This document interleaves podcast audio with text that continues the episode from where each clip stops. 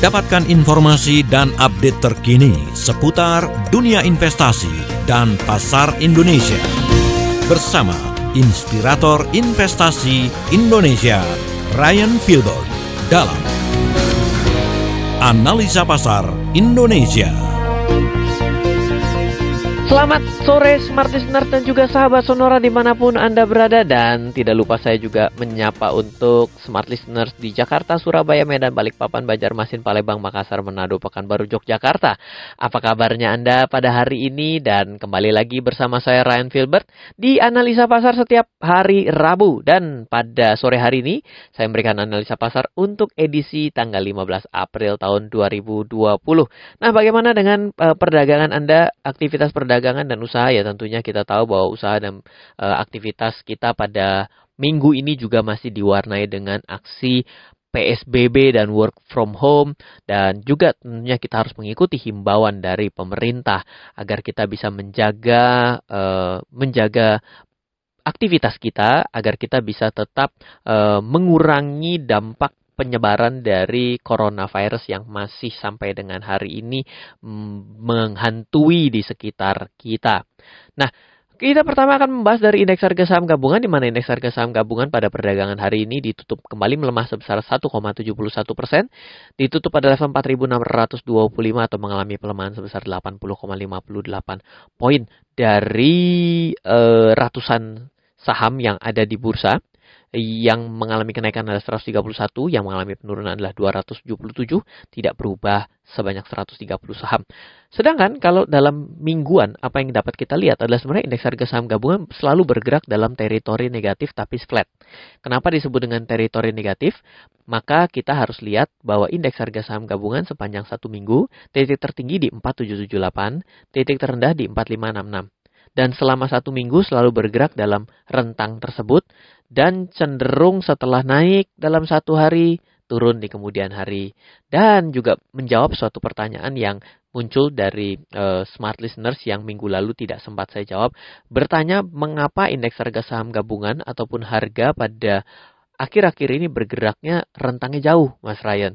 Yaitu bisa saja naik 2%, turun dua setengah persen, naik dua setengah persen, turun tiga persen, atau indeksnya saja pada hari ini turunnya 1,71 persen. Nah, kenapa bisa begitu? Jawabannya adalah dipengaruhi oleh tiga hal. Yang pertama adalah volume, yang kedua adalah dipengaruhi oleh frekuensi, yang ketiga adalah dipengaruhi oleh uh, rasional. Nah, Uh, pertama yang harus saya jelaskan adalah hubungan antara volume dengan frekuensi. Bila frekuensinya sedikit dan volumenya tinggi, itu juga bisa menyebabkan harga memiliki rentang harga yang memiliki rentang perdagangan yang tinggi untuk naik dan turunnya. Dan demikian sebaliknya, dengan volume perdagangan yang rendah dengan frekuensi yang tinggi juga lagi-lagi memiliki dampak yang sama. Dan yang ketiga adalah pergerakan pada saat ini tidak dilandasi oleh suatu fundamental yang data fundamental, melainkan lebih kepada satu um, apa ya namanya ya, lebih kepada suatu isu bergerak berdasarkan rumor, isu dan juga sentimen. Nah, kalau bergerak berdasarkan isu, sentimen dan juga rumor, kemungkinan ia pergerakan dalam satu harinya itu bisa bergerak lebar dan bisa saja perdagangan kemarin naik ditutup dengan penurunan pada hari ini. Nah, jadi itu memang yang ada dan dilandasi melandasi mewarnai pergerakan dari instrumen di pasar modal pada saat ini.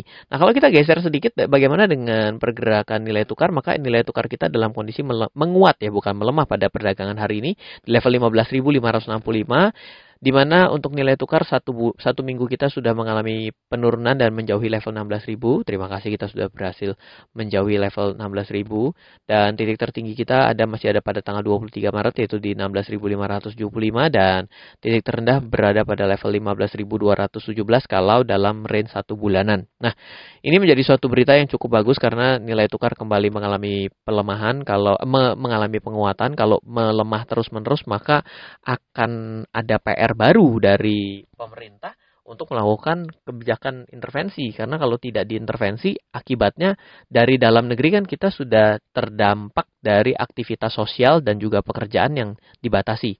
Dan ada banyak sekali PHK PHK PHK massal yang menjadikan orang yang tadinya tidak rentan dalam ekonomi perekonomian tiba-tiba menjadi perhatian kembali menjadi perhatian karena tidak memiliki pekerjaan dan tidak memiliki dana darurat ataupun e, kecukupan uang untuk bisa bertahan hidup. Nah, itu menjadi suatu hal yang menurut saya perlu menjadi perhatian dari dalam negeri. Sedangkan kalau dari luar negeri bila kursnya juga tidak terkendali, maka impactnya juga akan besar juga. Ya, terutama untuk yang masih melakukan kegiatan ekspor. Itu e, diuntungkan. Tapi kalau yang melakukan impor, ya tentu pada hari ini memang pasti berkurang sekali. Namun nilai tukar ini akan membuat e, merugikan kita kalau kita, eh, kalau mengalami pelemahan secara lebih tinggi dan uh, terus-menerus kira-kira seperti itu. Nah, mungkin saya akan geser yang berita menarik dari tentunya dari emas ya, dari logam mulia kalau kita perhatikan LM itu bukan LM kalau uh, gold index itu sudah di level 1700 sempat menguat sampai dengan berapa nih kemarin nih chartnya tiba-tiba error seperti biasa kalau saya analisa tiba-tiba chartnya ngambek gitu ya. Itu sudah sampai 1700 746 US dollar per troy ounce di mana e, sempat melemah seperti yang saya informasikan kita sempat melemah cukup dalam di tanggal 16 Maret sampai dengan titik terendahnya di level 1450 dan dalam kurang dari satu satu bulan hampir ya hampir satu bulan ya kalau kita hitung tanggal 15 itu tanggal 16 kita sudah kembali berada di level tertinggi e, perdagangan emas. Lalu kalau yang memperhatikan dari gold dan silver maka silver belum mengalami kenaikan yang cukup signifikan namun sudah mulai melewati area-area resisten kecilnya di 15.49 sedangkan kalau untuk Bitcoin karena uh, ada juga yang bertanya Pak kok nggak pernah ngomong untuk digital asset? Ya digital asset contohnya adalah Bitcoin maka Bitcoin uh, terkoreksi kembali. Dia masuk ke dalam level 6.800 6.700-an 6786 untuk bagi, uh, untuk 6 sampai dengan 6906. Jadi uh, kalau kita, saya boleh sebutkan secara bahasa teknikal, maka kalau untuk uh, gold dalam kondisi rawan terjadi aksi taking profit, sedangkan kalau untuk silver juga rawan terjadi aksi taking profit karena kenaikannya juga cukup uh, mengikuti pergerakan emas tapi tidak sebombastis emas. Nah, kalau untuk dari Bitcoin ini dalam kondisi justru uh, at support yang kemungkinan untuk uh, kembali rebound gitu ya kira-kira kalau dalam bahasa teknikalnya. Nah, kalau apa yang kita bisa baca dari gold itu apa yang bisa kita baca dari pergerakan atau kenaikan harga gold, maka sebenarnya kenaikan dari pergerakan harga gold ini kembali membuat saya teringat dari pergerakan uh, Dow Jones ataupun Amerika, ah, sebursa saham Amerika dan juga indeks emas yang mengalami kenaikan cukup uh, kencang dari 2004 menuju 2008 dan pada saat ini juga kita diwarnai koreksi di indeks harga saham gabungan. Maka e, topik pada sore hari ini yang akan saya bicarakan ada beberapa yaitu ada informasi terbaru mengenai pertumbuhan ekonomi yang kemungkinan minus lalu dampaknya buat kita apa? Lalu apa yang akan kita bahas lagi? Mungkin saya akan bahas apa yang harus kita lakukan bagi diri kita pribadi dengan kondisi pada saat ini. Apakah ada langkah-langkahnya? Beberapa langkah telah saya informasikan dan saya akan kembali mengulang pada analisa pasar sore hari ini. Dan bagaimana kita bisa melihat trend ke depan dengan kondisi pada saat ini. Itulah yang menjadi topik pembahasan analisa pasar di sore hari ini. Oleh karena itu saya akan mengundang kepada Anda yang belum memiliki atau berminat untuk memiliki buku yang saya tulis judulnya The Secret Property Investment, pada saat ini tren suku bunga cenderung turun, maka bila Anda mau melihat properti untuk anda beli secara hutang, maka sebenarnya ini adalah waktu yang tepat. Maka saya sharing kepada Anda buku The Secret Property Investment. Saya kirimkan dalam bentuk digital book. Dan saya akan kirimkan Anda belajar investasi selama 30 hari secara gratis kepada melalui email Anda. Syaratnya Anda hanya kirimkan nama, email, nomor handphone, kota domisili, dan jangan lupa tambahkan subjek analisa pasar Rabu. Kirimkan ke 0812 11 12 959. Sekali lagi, nama, email, nomor handphone, kirimkan ke 0812 11 12 959. Jangan lupa cantumkan analisa pasar dan juga domisili Anda. Kita akan membahas berbagai macam hal menarik di sesi kedua. Stay tune di Smart FM. Tetaplah bersama kami dalam talk show interaktif Analisa Pasar Indonesia.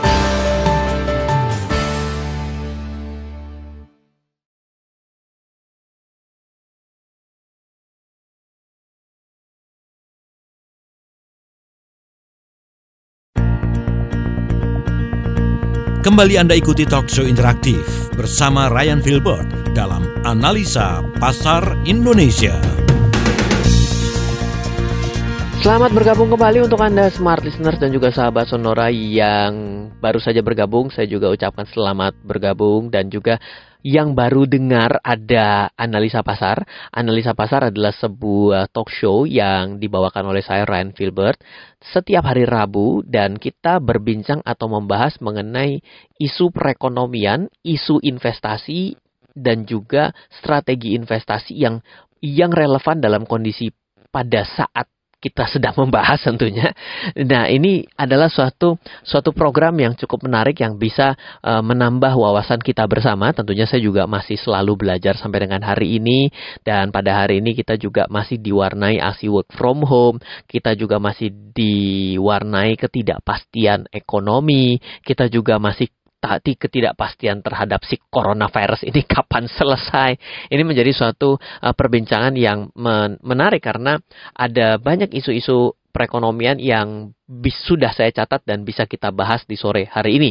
Saya undang Anda untuk bergabung di 0812 11 12 959. Anda bisa mendapatkan buku digital book dari saya judulnya The Secret Property Investment dan juga yang kedua adalah belajar investasi selama 30 hari. Silakan kirimkan nama, email, nomor handphone dan jangan lupa cantumkan kota domisili Anda serta cantumkan juga subjeknya analisa pasar. Kirimkan ke 0812 11 12 959. Oke, saya akan coba bahas beberapa isu menarik di uh, minggu ini. Yang pertama, saya mau bahas mengenai uh, Ibu Sri Mulyani menginformasikan per hari ini mengenai ramalan beliau terkait dengan perekonomian Republik Indonesia bahwa pertumbuhan ekonomi di Indonesia bisa tumbuh negatif. Nah, pertanyaan awamnya kadang-kadang kalau pertumbuhan ekonomi negatif seperti yang diumumkan oleh Ibu Sri Mulyani, apa dampaknya buat kita? Nah, jelas. Kalau yang terjadi pada negara itu biasanya adalah cerminan dari kita semua. Nah, jadi ini menjadi satu catatan yang perlu kita garis bawahi adalah dengan adanya pertumbuhan ekonomi negatif, maka kemungkinan bukan negaranya saja yang mengalami pertumbuhan ekonomi negatif, tapi juga terjadi dari masyarakat-masyarakatnya, di mana masyarakatnya adalah kita. Jadi kita kemungkinan akan mengalami perlambatan. Baik perlambatan secara aktivitas, perlambatan aktivitas akan menghambat perlambatan ekonomi karena UUD, ujung-ujungnya duit ada pada hari ini kita tidak lagi pergi ke mall, kita tidak lagi pergi makan, kita juga membatasi untuk bertemu dengan orang yang tadinya ngafe seminggu satu, seminggu tujuh kali, jadi seminggu tidak ada. Kafenya tutup. Ketika kafenya tutup, maka pekerjanya juga nganggur di rumah karena tidak lagi si pemilik kafe mampu membayar. Sampai kapan si pemilik kafe tidak lagi mampu membayar ya? Sampai dengan perekonomiannya pulih. Nah, dampak dari gambaran itulah yang menyebabkan pertumbuhan ekonomi kantong pribadi itu akan tercermin kepada negara. Jadi, kenapa bisa diproyeksikan pertumbuhan ekonomi negatif? Ya, karena pada hari ini masyarakatnya juga tidak bisa melakukan aktivitas secara normal. Nah, lalu kalau kita dalam kondisi pada saat ini dan kita juga dihadapi dengan pertumbuhan ekonomi dan juga ada beberapa yang sudah saya dengar melakukan PHK massal, maka kalau Anda mengikuti siaran live di bulan November atau Desember di analisa pasar juga, saya menginformasikan dua hal bahwa indikator daripada krisis di mana pada tahun 2019 saya dipaksa untuk ngomong krisis, tapi saya bilang itu belum terjadi, nggak ada. Tapi ada sinyalnya, saya kemukakan seperti itu. Nah, kalau pertumbuhan ekonomi itu negatif selama dua periode, dan juga dalam satu tahun terjadi penurunan tingkat e, pengangguran yang naik ataupun penyerapan lapangan pekerjaan yang menurun, maka itulah kondisi yang disebut dengan krisis. Jadi sebelum besok data ekonominya keluar, saya mau memberikan early warning system yang kedua nih setelah bulan November bahwa sepertinya sinyal-sinyal krisis itu memang berada di sekitar kita pada saat ini. Dan pada industri-industri tertentu sudah terjadi krisis. Contohnya pada saat ini industri pariwisata sudah mati duluan. Kenapa? Ya karena duluan terdampak akibat Karena pertama kali pembatasan sosial ini terjadi dari penyakit. Maka secara otomatis yang hubungannya dengan uh, traveling karena ini juga datangnya dari luar negeri, lalu juga adanya interaksi, maka ya traveling dan juga sektor pariwisata terdampak pertama kali. Jadi di kondisi pada saat ini apakah uh, yang dikhawatirkan Ibu Sri Mulyani dan juga negara adalah suatu hal yang perlu kita khawatirkan? Oh, jelas jawabannya adalah sangat perlu. Nah, kalau kita geser lagi dengan rapat Dewan Gubernur dari Bank Indonesia dalam tanggal 14-15 ini yang menyatakan suku bunga tidak diturunkan, dipertahankan, maka kalau kita perhatikan suku bunga itu sudah mengalami penurunan berjilid-jilid dari tahun kemarin. Jadi, kalau suku bunga diturunkan lagi dan diturunkan lagi, maka mengkonfirmasi bahwa perlambatan ekonomi akan terjadi dan semakin melambat. Kenapa? Karena kalau misalnya tidak diturunkan malah akan bahaya bagi banknya. Kenapa? Karena masyarakat akan cenderung simpan uang. Dengan kondisi pada hari ini, sebenarnya negara sedang mengencourage kita, mengajak kita untuk memakai uang. Tapi ada beberapa golongan. Satu, orang yang sudah kadung nggak punya uang. Ya loh, pada hari ini saya kan suka sekali untuk uh, jalan karena memang uh, bukannya suka jalan, tapi karena tidak punya pilihan.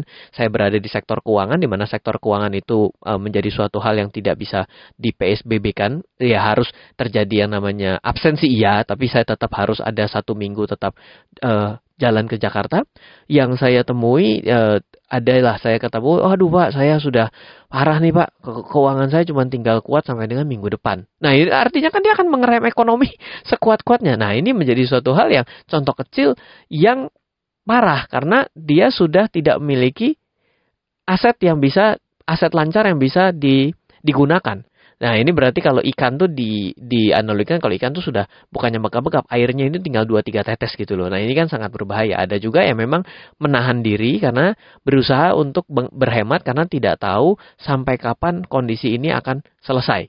Ya kondisi ketiga adalah orang yang selalu mencari peluang baru. Nah, ini adalah orang yang uh, penuh visi, visioner, lalu juga uh, cenderung mau mencari suatu penemuan-penemuan baru. Karena apa? Setiap krisis menghasilkan orang kaya baru. Nah, oleh karena itu, uh, Smart Listener dan juga sahabat Sonora, saya akan kembali lanjut di sesi ketiga dan perbincangan ini tentunya saya mengundang Anda untuk mengirimkan nama, email, nomor handphone, dan juga kota domisili dan juga jangan lupa cantumkan analisa pasar. Bila Anda mau mendapatkan dua hal dari saya, yaitu satu adalah digital book judulnya The Secret Property Investment, yang kedua adalah belajar investasi selama 30 hari. Silakan Anda kirimkan nama, email, nomor handphone, serta kota domisili dan juga subjeknya analisa pasar. Akan saya kirimkan dua hal tersebut tersebut ke email dan handphone Anda. Kita akan kembali di sesi ketiga. Tetaplah bersama kami dalam talk show interaktif Analisa Pasar Indonesia.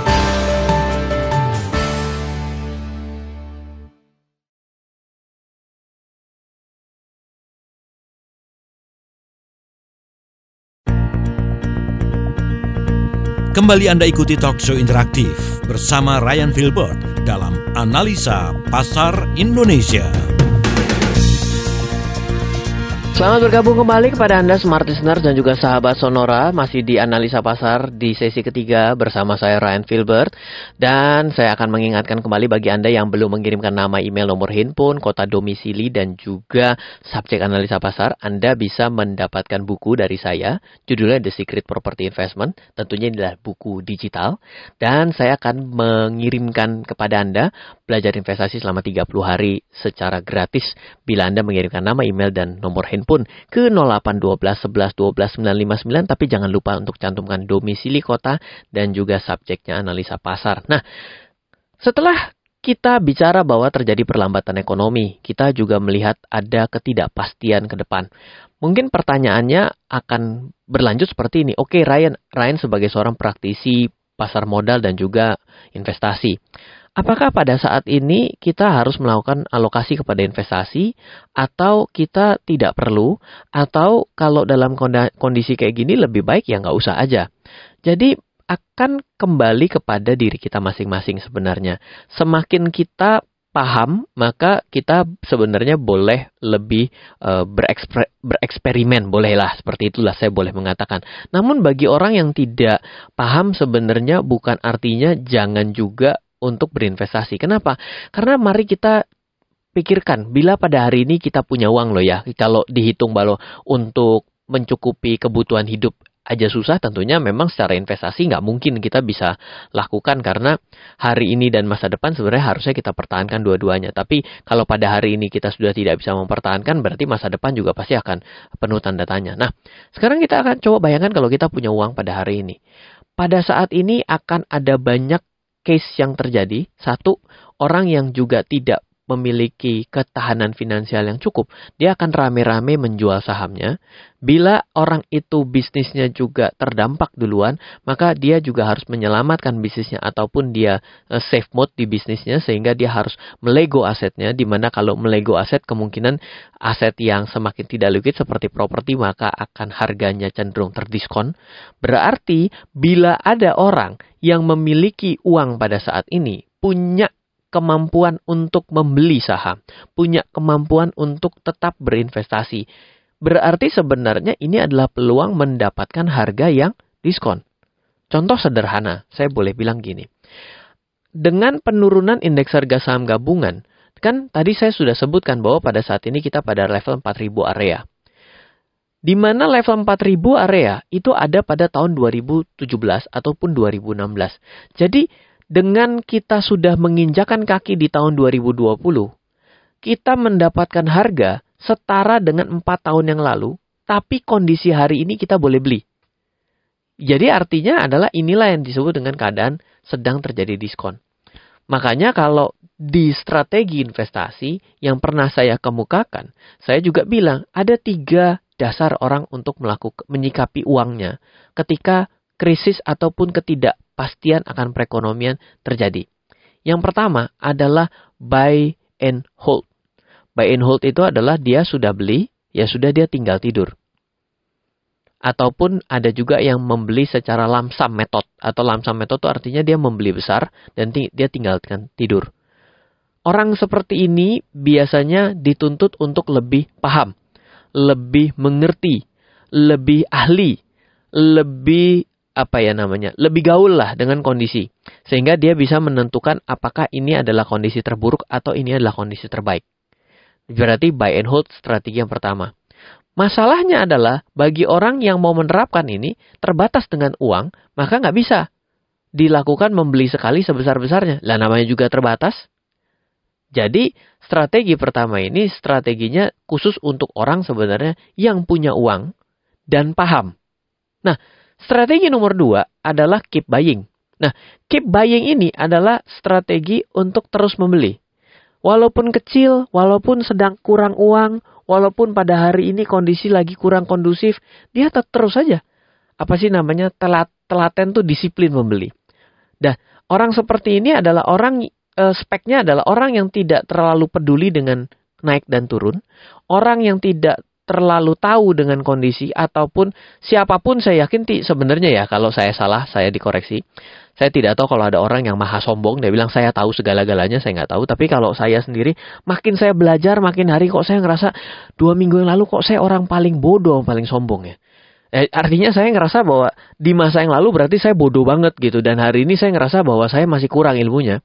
Saya selalu berpikir bahwa saya tidak begitu tahu dengan dunia investasi dan perekonomian dan saya harus selalu terus belajar. Jadi saya pun sebenarnya menerapkan posisi untuk ya saya tidak terlalu tahu, maka saya yang saya lakukan adalah terus membeli. Semakin besar diskonnya, semakin banyak saya bisa beli. Kalau saya punya uang, saya sisihkan lebih banyak lagi untuk saya beli dan beli dan beli. Maka namanya keep buying. Orang pertama disebut dengan buy and hold ataupun lamsam, membeli besar, dung gitu kan. Orang kedua adalah keep buying kalau orang dalam ekonomi disebut dengan metode katakanlah constant eh, share ataupun dollar cost average yang biasa terkenal di reksadana ataupun orang-orang yang membeli instrumen asuransi dengan unit link sebenarnya mereka sedang melakukan dollar cost average tanpa mereka sadari. Lalu yang ketiga yang spesial dalam tema krisis ini sebenarnya berbicara adalah cash flow is king. Cash flow is king. Dulu saya saya memahami bahwa ketika krisis maka kita harus cash is king. Namun saya merevisi pemahaman itu. Kenapa? Karena ketika kita cash is king dalam satuan waktu tertentu dengan kebijakan pemerintah tertentu, maka kita bisa nggak punya harganya, pegang cash juga. Berarti kita harus menjaga bahwa kita harus selalu memiliki cash flow atau aliran darah. Cash flow itu kan aliran darah. Orang percuma punya badan besar tapi nggak punya darah ya mati juga betul nggak nggak ada yang mau dipompa ke jantung. Nah inilah sebenarnya cash flow is king. Jadi dengan kondisi hari ini kalau anda dalam kondisi yang masih punya uang, yang harus Anda pertahankan adalah jangan agresif, tapi tetap membeli dan juga menjaga cash flow Anda tetap ada. Pikirkan bahwa cash flow harus tetap masuk. Saya juga lakukan itu dalam usaha saya. Ya usaha saya memang uh, yang satu memang tentunya memang usaha napas panjang karena kita startup uh, dalam bidang fintech. Lalu ada usaha lain yang juga sudah berjalan cukup lama yaitu di industri edukasi. Yang saya lakukan treatmentnya sama seperti yang saya sharing pada saat ini. Saya lakukan upgrade justru dalam keadaan yang kayak gini justru saya lakukan upgrade terhadap sistem uh, edukasi saya yang tadinya online itu menjadi menjadi uh, additional, ini saya majukan ke depan, infrastruktur saya invest ulang, dan hari ini kalau online core system saya sudah setara dengan internasional online core system, dan orang bisa meng, me, streaming, orang itu juga bisa mendownload, dan akhirnya uh, saya sudah mempersiapkan untuk di launching di minggu depan untuk satu sistem baru. Nah, kenapa saya berani melakukan itu? Karena saya tahu bahwa dalam kondisi apa pun kita harus tetap berpikir out of the box ataupun sampai dengan think there is no box. Itulah yang menjadi uh, kekuatan. Jadi kalau kita tidak memiliki prinsip keuangan, juga kita tidak memiliki prinsip bisnis, juga kita tidak memiliki prinsip ekonomi, ya kita sudah kehilangan modal segala-galanya. So, saya senang sekali saya boleh sharing di analisa pasar setiap hari Rabu ini menjadi suatu reminder bagi diri saya dan juga saya bisa sharing kepada banyak orang dan tentunya bermanfaat bagi Anda smart listener dan juga sahabat Sonora. Nah, kita akan kembali di analisa pasar di sesi keempat. Waduh, sudah habis saja. Nanti kita akan bahas tentunya review bagaimana minggu ke depan dan juga kita akan membahas beberapa poin ter terakhir yang bisa saya sampaikan di analisa pasar di sore hari ini. Dan saya kembali mengundang kepada Anda yang ingin mendapatkan buku dari saya judulnya The Secret Property Investment dan juga belajar investasi selama 30 hari. Ingat, belajar bukan pada saat ketika marketnya picking up. Kalau lagi picking up, Anda cenderung membeli kemahalan. Berarti ketika belajar investasi dalam kondisi hari ini, ini menjadi suatu hal yang lebih baik lagi karena dalam keadaan at discount. Saya akan sharing belajar investasi selama 30 hari. Silakan kirimkan nama, email, nomor handphone, kota domisili, dan juga tambahkan subjek analisa pasar. Akan saya kirimkan kepada email dan juga nomor handphone kepada handphone Anda ke 0812 11 12 959 sekarang juga. Nanti kita akan kembali di sesi keempat. Tetaplah bersama kami dalam talkshow interaktif Analisa Pasar Indonesia.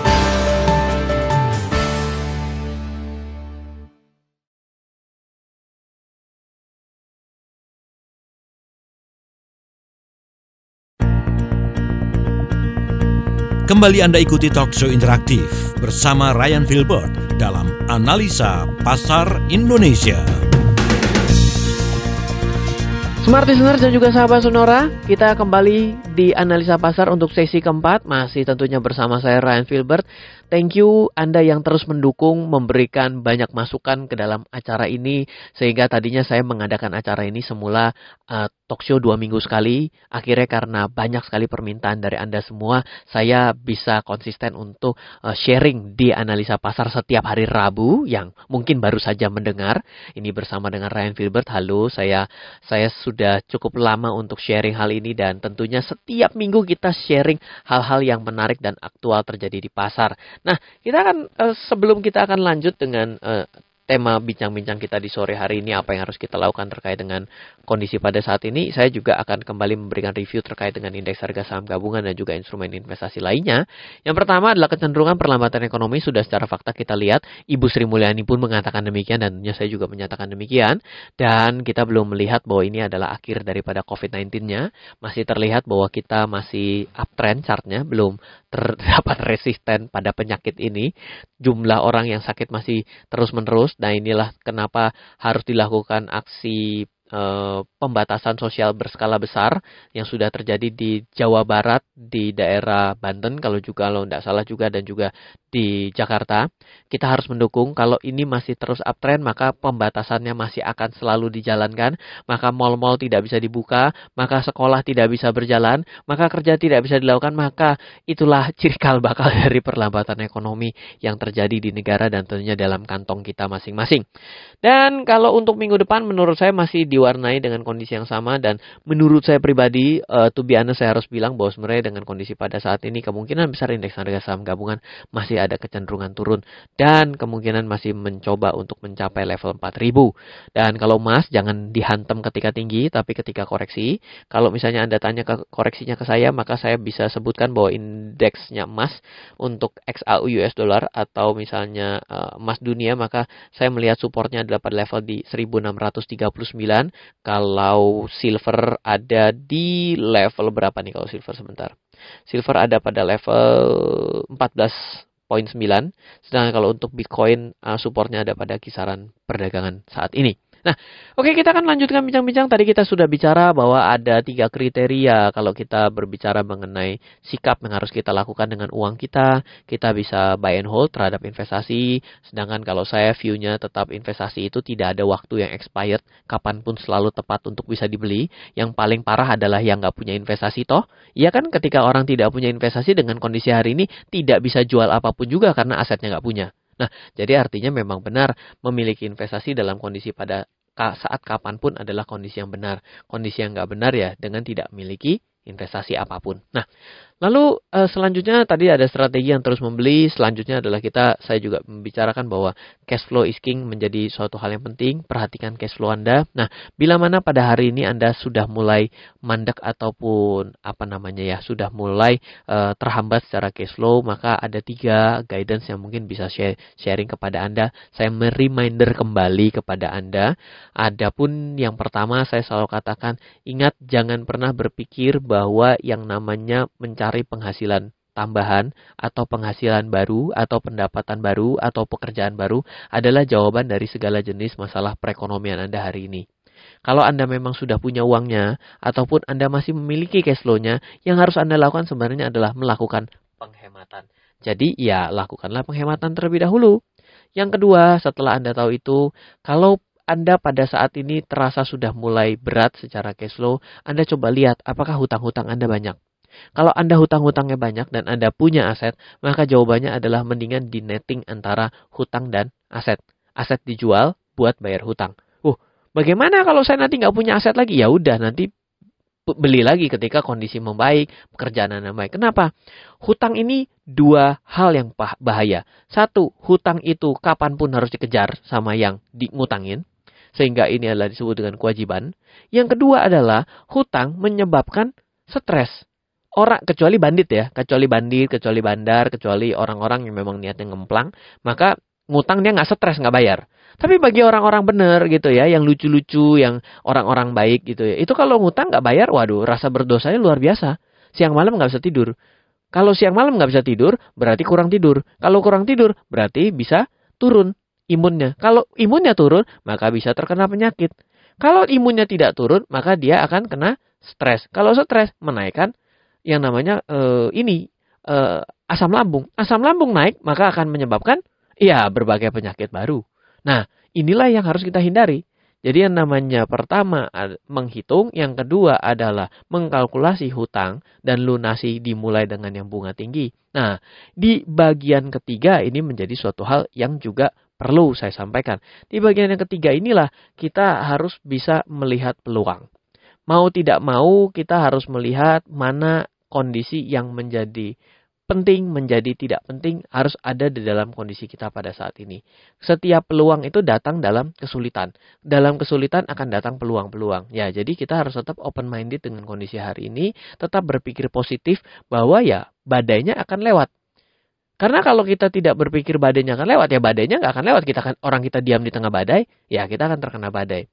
Masih mirip-mirip pesannya dari beberapa minggu terakhir ini. Namun ya tentunya ini menjadi suatu reminder ulang. Ya setiap hari dikabari berita corona pun itu kan sebagai suatu awareness dan reminder bagi kita. Ya di sore hari ini saya juga kembali merimain kepada Anda terhadap keuangan Anda dan juga terhadap investasi Anda. Semoga kita bisa terus berpikir positif dan juga bisa menjaga segala sesuatu yang sesuai harapan kita. Oke, sekian dulu untuk analisa pasar bersama saya Ryan Filbert masih di Smart FM sepanjang uh, siaran ini semoga bisa memberikan manfaat bagi Anda semua. Dan akhir kata saya undur diri. Dari saya Ryan Filbert, saya ucapkan salam investasi untuk Indonesia.